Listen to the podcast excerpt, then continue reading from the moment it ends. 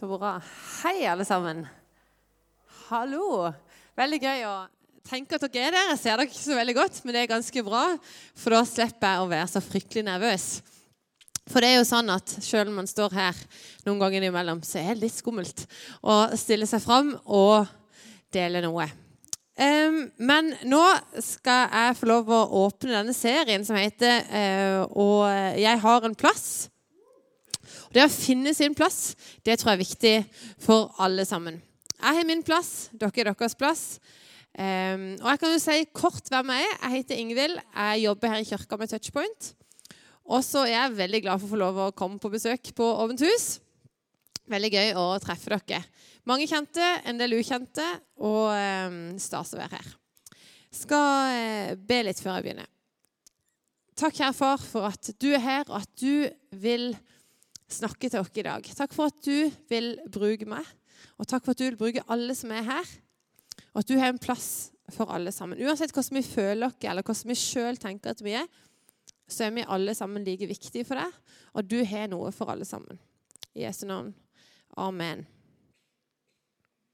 De neste gangene så skal vi få treffe noen eh, personer fra Bibelen i denne taleserien. Karakterer, personer som mange kanskje har hørt om før, og noen er kanskje mer ukjente.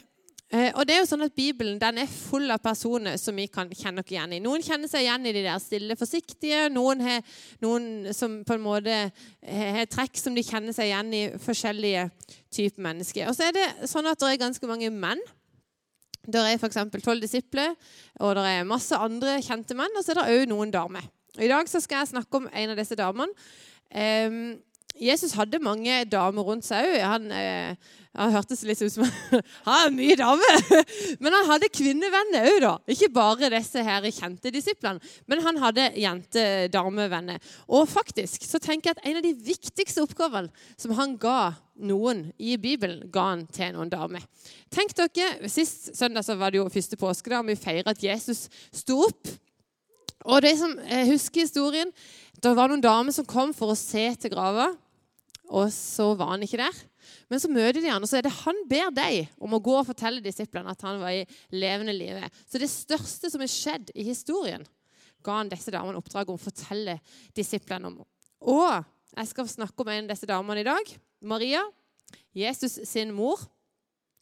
Og jeg tenker at Maria er nok kanskje en Jeg tror jeg tør å si at alle har hørt om henne før. Maria og Josef og Jesusbarnet. Og det er litt sånn julefortelling fort. ikke sant? Og så er det litt sånn mora til Jesus. Hun kunne jo vært med i Unge mødre og hatt en blogg om heter mammaen til Michelle. Men det var ikke det. Det var mammaen til Jesus. Hun er ikke på TV Norge, og hun er ikke en blogg. Men hun opplevde ganske mye spennende likevel. Jeg tenker liksom at de fleste jentene her hadde en drøm om å være Maria i julespillet. Var ikke det liksom den høyeste, beste drømmerollen for dere? Jeg hadde iallfall en drøm om det. Hun skulle helst ha blå kjole, og alt var veldig sånn flott. Eh, men i virkeligheten så var ikke dette en rolle som hun hadde signa opp for eller vært på audition for å få. da. Hun var ung. Hun var, eh, levde under ganske vanskelige forhold. De levde i et land som var okkupert av romere. Og så var hun lovt bort til Josef. Og det, Når jeg tenker forlovelse, så tenker jeg jo ofte at man er over 18 iallfall. Um, men sannheten er jo at der ble de lova bort når de var sånn 12-ish. Så at hun da var som en niendeklassing, kanskje, når hun da fikk denne beskjeden.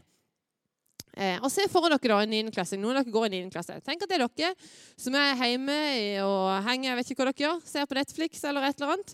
Og så plutselig så får du besøk. Jeg skal lese fra Bibelen i Lukas 1, 26-38 så står det. Og så står det først om ei som heter Elisabeth. Det var en slektning av Maria som egentlig var altfor gammel til å få barn. Hun var òg blitt gravid. Da skal vi lese. Ja, det var jo Trykker jeg feil? Nei, hva skjer nå? Der. Andre veien. Sant. Men da Elisabeth var i sjette måned, ble engelen Gabriel sendt fra Gud til en by i Galilea som het Nasaret, til en jomfru som var lovet bort til Josef, en mann av Davids ett. Jomfruens navn var Maria. Engelen kom inn til henne og sa, 'Vær hilset, du som har fått nåde. Herren er med deg.'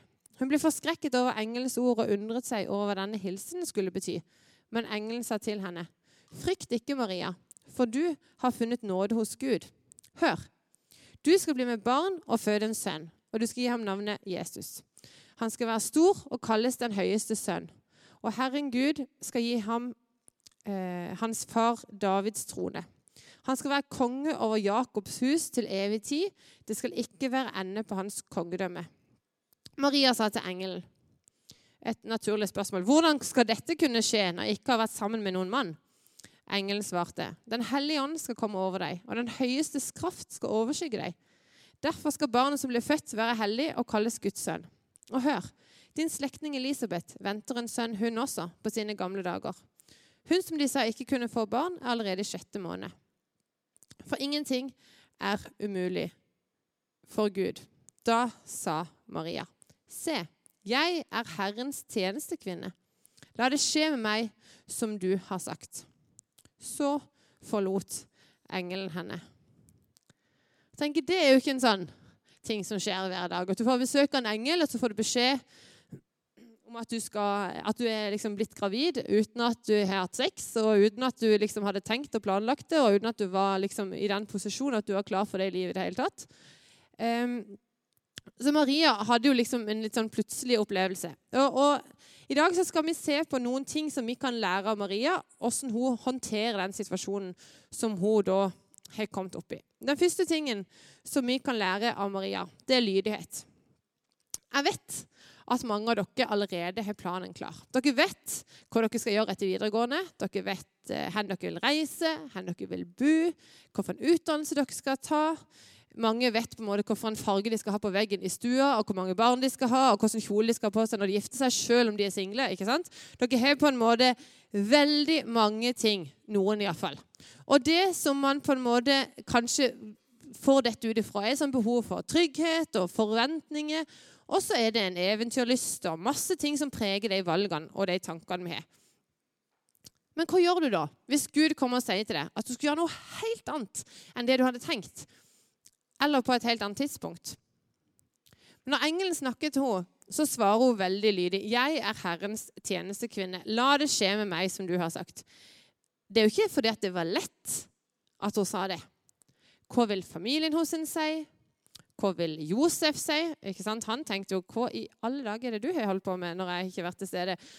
Og vi kjenner jo historien og vet hva som skjer videre med henne.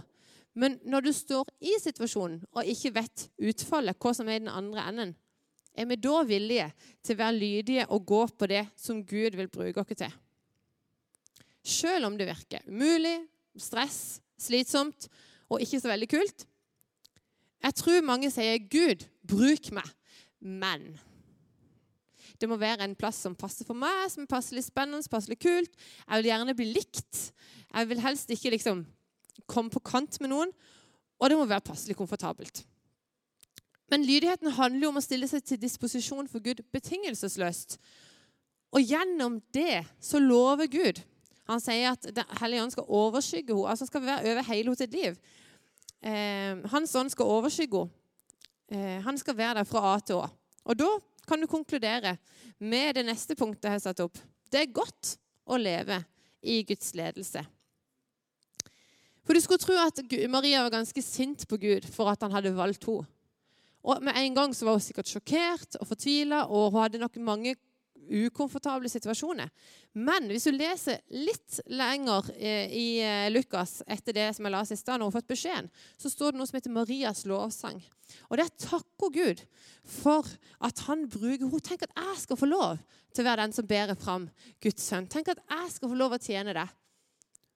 Og hun kunne jo på en måte satt seg ned og tenkt ja, her sitter jeg med en unge eller en stor mage eller kvalm, eller mens alle vennene mine henger på Lucky eller et eller annet. Så sitter jeg der og bare jeg vet ikke, Nå har ikke så mange av dere vært gravide, men man er jo ikke alltid i tipp topp form. det er ikke alltid det er just sånn som man hadde tenkt. Eh, men Maria kjente Gud og stolte på han. Hun hadde fått sin hensikt presentert av en engel, og det gir livet mening. Når Jesus vokste opp, eh, så er han og Maria i et bryllup sammen med mange andre folk. Og det var ikke sånn at Jesus hadde gjort masse tegn og under før det. Men når de var der, så gikk de tom for vin. Og når Maria hører det, så går hun til Jesus og sier det at dette, sant, her er det et problem. Og så sier hun til tjenerne Hei, det som han sier, det må dere gjøre. Hun hadde ikke sett noe fysisk før. Han hadde ikke gjort noe før, men hun visste hva han var god for. Hun stolte på hvem han var, og hva han kunne gjøre. Og når hun da noen år seinere skal se sønnen sin, gutten sin, dø på et kors, og se at hun sin gutt er den som skal redde hele verden og gis for at vi skal få frelse og liv, så er det klart at det likevel gjør vondt. Hun er jo en mamma. Men hun er avhengig av Gud i alle de situasjonene. For det er han som har plassert henne der, og det gir henne da allikevel en mening. Få en hensikt. Og Et annet aspekt med det, å leve i Guds plan og Guds ledelse, er at Gud kun viser et skritt av gangen. Hva skjedde med det, liksom? Ja, der sto det noe annet.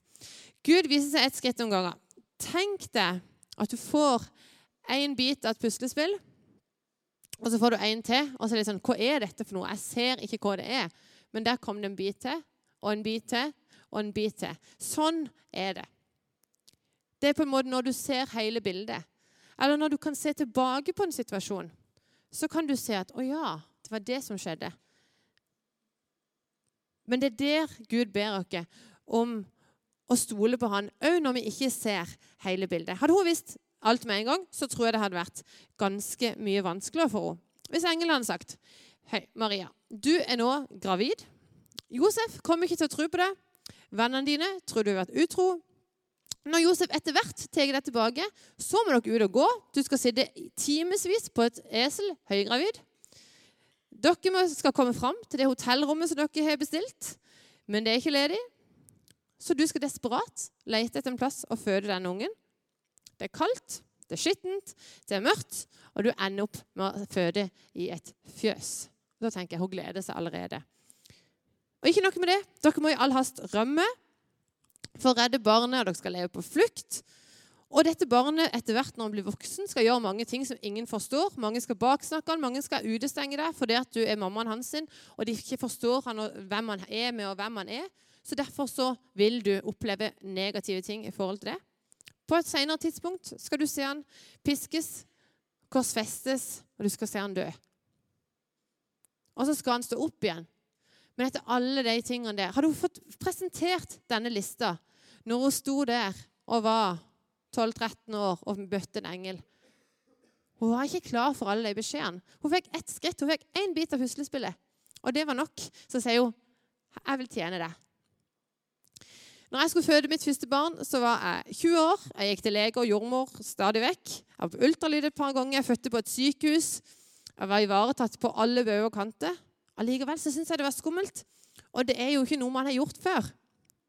Og for Maria så var hun ung, og egentlig så lå ingenting til rette for henne. Og Da kommer jeg til neste punkt. Gud kan bruke alle. Jeg tror mange sier ja, men jeg er jo bare ei jente, eller jeg er jo bare en gutt.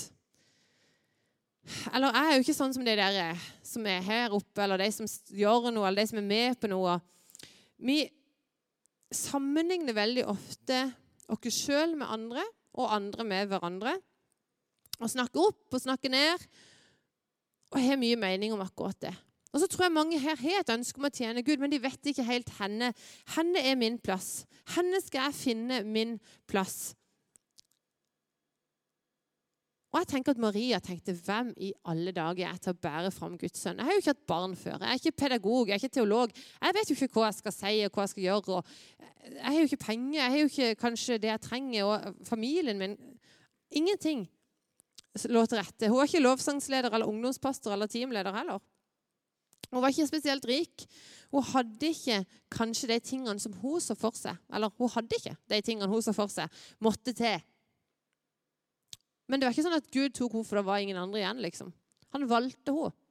Akkurat som han har valgt deg til en helt spesiell oppgave. Det er sikkert mange andre som kunne gjort den oppgaven. Men han har sett for seg det. Helt siden du er født, så har han en oppgave til deg som han ønsker at du skal gjøre. Det han òg ønsker at du skal gjøre, du skal gjøre det som Maria gjorde, som en helt vanlig jente eller gutt, og si at 'Jeg vil tjene deg'. La det skje med meg som du har sagt. Å ha et villig hjerte og mot til å ta det første skrittet sammen med Gud er det som skal til. Og Maria trenger ikke bare et forbilde for jenter, men også for gutter. Jeg tror, eh, jeg tror mange tenker at Men jeg er jo bare. Eller jeg er jo ikke. Maria var bare mange ting. Og hun var jo ikke mange ting hun ikke var. Men hun var likevel the one and only. Og det er du òg. Når Gud gir deg et oppdrag, så kan du velge å stille deg til disposisjon. Så kan du stole på at han vil vise deg veien videre, og at du vil få lov, på samme måte som Maria, finne din hensikt i livet.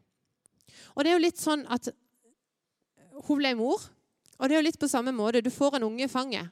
Du får kanskje et, eh, en tjeneste eller noe Gud vil ha deg til å gjøre. Og du aner jo ikke hva du skal gjøre. Men er, hun, hun, må jo på en måte bare forholde seg til dag for dag og det som skjer. Og så vokser han opp, og så blir hun kjent med han, og så er han modna i magen hos sin, som kanskje mange av de tankene dere òg har, eller de, de um, tjenestene som dere kanskje står og kjenner på at, at, Gud vil bruke dere til. Det er kanskje modna i magen en stund før det kommer, eh, kommer fram. Og så vet du ikke hvordan dette blir. Det er jo ikke sånn at Når du får en baby, så vet du hvem han er når han blir voksen. Men så kan det få lov å vokse. Og så er det jo sånn at Hun tenker jo at når babyen blir født, så er det på en måte et mål. Du er ferdig med det. Men det er jo egentlig bare begynnelsen. Og sånn tenker jeg vi kan tenke om de oppdragene vi får òg. Det er jo ikke sånn at vi, vi på en måte er ferdige når vi har fått oppdraget. Det er da det begynner. Og når Gud virker i oss, så er det ofte en sånn prosess med noe som vokser fram. Og da tror jeg vi må være ekstra opptatt av det og tørre å gå på det når du får bare det ene skrittet.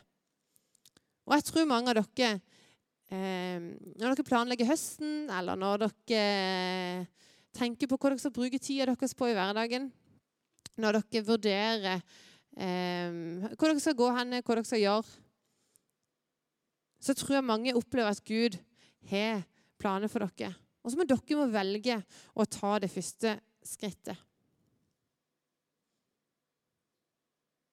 Jeg vil bare oppfordre dere til det i dag. Tenk på Maria, og tenk på dere sjøl. Når dere kommer med sånne 'Hvem er jeg til å?' eller 'Jeg kan ikke'. Jo, det kan du. Men still deg til disposisjon og si 'Jeg er Herrens tjener'. Gjør, la det skje med meg, sånn som du har sagt. Jeg skal be. Kjære far, jeg vil takke deg for eh, for at du vil, eh, vil bruke oss, og at du har en tjeneste for hver enkelt. Og vi skal ikke bære fram et barn eller gjøre sånne Det er ikke alltid de store tingene. Men hjelp oss å se de små tingene som du vil lede oss i i hverdagen. Og la oss lære av Maria å være lydige og være lydhøre for det du sier, og tørre å gå det ene skrittet. Om noen her i dag tenker at det ene skrittet handler om, eh, om noe de skal gjøre for andre, eller noe de skal gjøre for deg, eller om det kanskje er det ene skrittet inn i en relasjon mot deg, eller sammen med deg. Så ber jeg om at du skal eh, lede dem i det i kveld. I Jesu navn. Amen.